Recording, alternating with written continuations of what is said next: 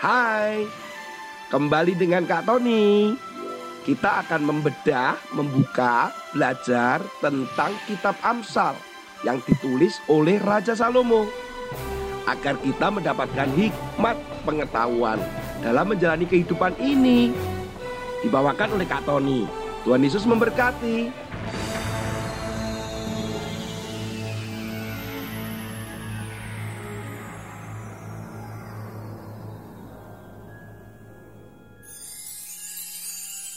Ambil nafas panjang.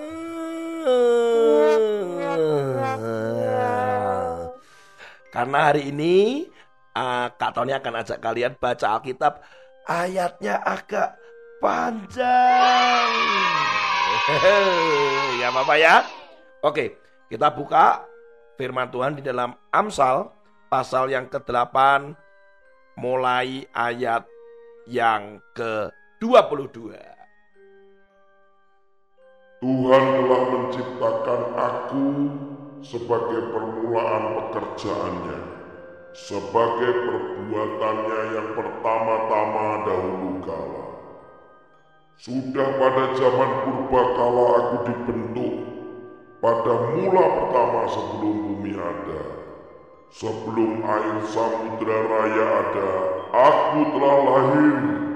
Sebelum ada sumber-sumber yang syarat dengan air. Sebelum gunung-gunung tertanam. Dan lebih dahulu daripada bukit-bukit, aku telah lahir. Sebelum ia membuat bumi dengan pedang padangnya dan debu dataran yang pertama, Ketika ia mempersiapkan langit, aku ada di sana. Ketika ia menggaris kaki langit pada permukaan air samudera raya, ketika ia menetapkan awan-awan di atas dan mata air samudera raya meluap dengan deras, ketika ia menentukan batas kepada laut, supaya air jangan melanggar titahnya. Dan ketika ia menetapkan dasar-dasar bumi, aku ada sertanya sebagai anak kesayangannya. Setiap hari aku menjadi kesenangannya dan senantiasa bermain-main di hadapannya.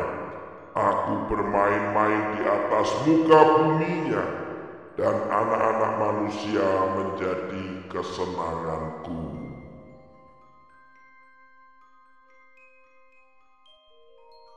Nah, anak-anak, kalian sudah dengar firman Tuhan itu kan? Sudah ambil napas panjang? Harus tetap didengarkan dan harus dibaca. Kalau perlu, baca sama-sama dengan Kak Tony tadi. Gitu.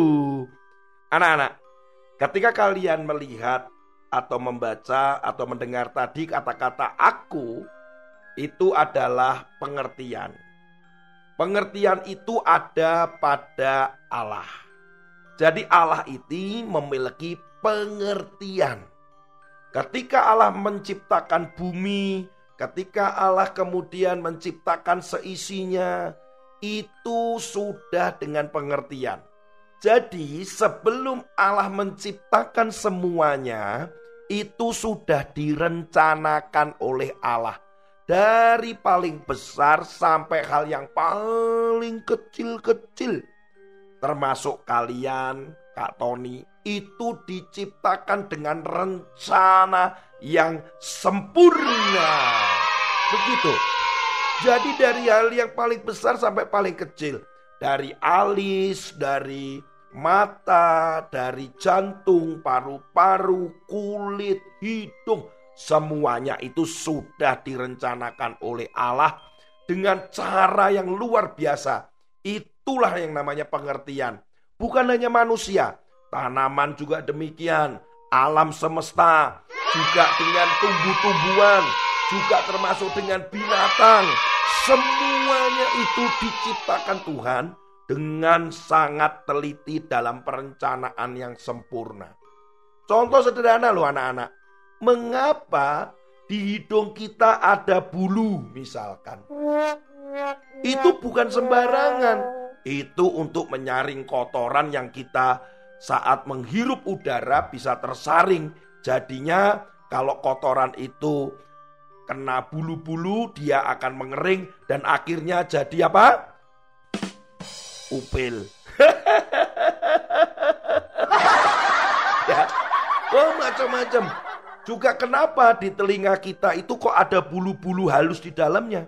Itu direncanakan oleh Allah supaya tidak bisa ada binatang-binatang yang bisa masuk dengan sembarangan di dalam telinga kita. Gitu. Itu baru hal-hal yang seperti itu loh anak-anak. Tapi ada begitu banyak. Kak Tony akan tunjukkan kehebatan ciptaan Tuhan yang ada pada dirimu. Beberapa saja. Ini akan membuat kalian akan tercengang. Ini nih, nih contoh nih.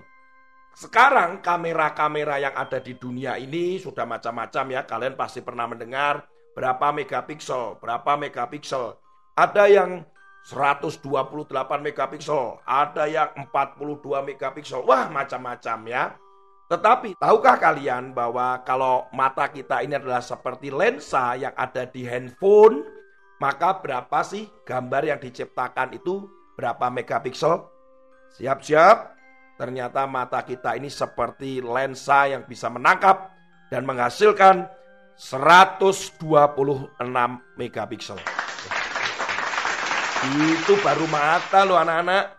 Diciptakan luar biasa. Contoh lagi, kualitas video. Berapa sih kualitas video yang bisa dihasilkan dari mata kita? Kalau kita menangkap gambar kemudian dianggap satu detik itu adalah sebuah video, mata kita ini kira-kira bisa menghasilkan berapa? Sebagai perbandingan anak-anak, sebuah iPhone itu dalam satu detik videonya itu berukuran satu detik loh ya, berukuran 375 megapiksel. Kalian tahu mata kita dalam satu detik menghasilkan video berapa? 21,45 gigabyte. Wih. Luar biasa, itu masih mata lu anak-anak. Otak kita, kira-kira otak kita nih kalau hard disk kira-kira berapa ya bisa memorinya berapa? 100 terabyte. Wah, gede banget ya. Eh sebentar, sebentar. Sekarang kalau data di tubuh manusia, manusia ini kan punya data-data. Dari darah, dari otak, semuanya ada data-data yang disimpan di tubuh ini. Sehingga terjadi pergerakan, metabolisme tubuh. Nah data-data ini kalau dikumpulkan ada besarnya ada berapa sih? Nah sebelum sampai ke sana ternyata sebuah studi ilmiah yang dilakukan oleh Veritasium pada tahun 2020 tahun itu ya volume seluruh informasi data yang terdapat di bumi itu ternyata mencapai 40 zettabyte. Wah itu banyak sekali tuh anak-anak. Nah kalau tubuh kita ini, tubuhnya Kak Tony, tubuhmu, itu memiliki berapa sih datanya sebenarnya? Ternyata tubuh kita memiliki data 60 zettabyte. Wih. Luar biasa anak-anak ya. Eh belum lagi nih. Kecepatan mengirimkan signal dari sel saraf di tubuh kita ini kemudian mengirim ke otak. Berapa sih kecepatannya? Ternyata kecepatannya anak-anak. Kalian bisa tebak berapa? 430 km per jam itu sama dengan kereta maglev Shanghai yang saat ini menjadi kereta tercepat di bumi. Wah, wah luar biasa anak-anak. Ternyata tubuh kita ini belum lagi tubuh kita ini kalau mengalami luka bisa menyembuhkan diri sendiri, meregenerasi. Semua itu sudah direncanakan, dirancangkan, disiapkan dengan pengertian yang Allah memang sudah miliki. Dan saat dia menciptakan semuanya sempurna. Nah, itu luar biasa ya. Jadi kalian harus menghormati Allah yang menciptakan kalian. Kita harus menghargai tubuh yang sudah diciptakan oleh Allah. Jangan merusaknya. Karena kita harus belajar bahwa semuanya sedang dirancangkan itu, direncanakan itu, semuanya untuk kebaikan kamu dan kebaikannya Kak Tony. Jadi jagalah tubuhmu, jagalah hidupmu, jangan dirusak, jangan dicoret-coret dengan tato-tato. Kok gitu? Jangan dicoret dengan tato-tato.